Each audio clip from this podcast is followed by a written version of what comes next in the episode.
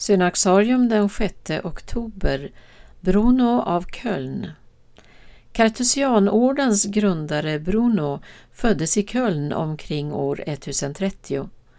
Han fick sin utbildning vid den berömda katedralskolan i Reims där han som mycket ung tog sin teologiska examen.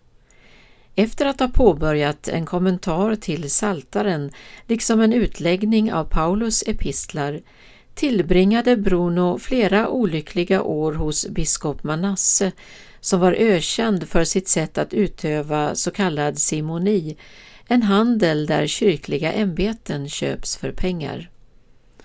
Bruno kände allt större avsmak inför kyrkans förvärldsligande och vägrade åta sig uppdraget som ärkebiskop i Reims efter att Manasse hade blivit avsatt. Han längtade efter att få söka Gud i ensamhet och stillhet och funderade nu allt mer på vilken livsform han skulle välja. Efter att en tid ha levt nära ett kloster i Moleme begav han sig till trakten kring Grenoble där han bestämde sig för att söka större avskildhet i bergen vid Chartreuse varifrån kartusianerna tagit sitt namn. Här skapade Bruno en kommunitet vars livsstil var starkt präglad av eremitidealet.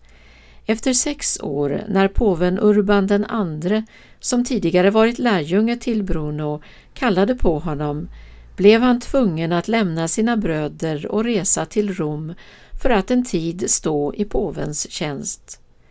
Men han kunde inte acceptera stridigheterna mellan kyrkan och staten och efter bara några månader i Rom beslutade han sig för att en gång för alla dra sig tillbaka. Bruno sökte sig nu till Kalabrien i södra Italien där han tillsammans med några bröder inrättade ett eremitage i Serra.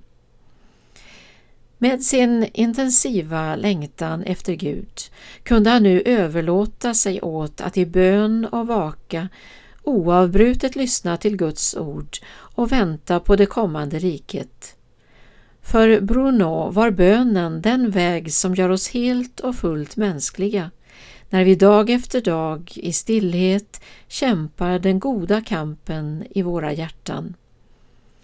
En av hans lärjungar beskriver Bruno som en person med ett gott humör, kysk i talet och ett ansikte alltid fyllt av glädje. Han vägledde sina bröder med en faders auktoritet och en moders ömhet. Bruno dog i sitt eremitage i Kalabrien den 6 oktober år 1101.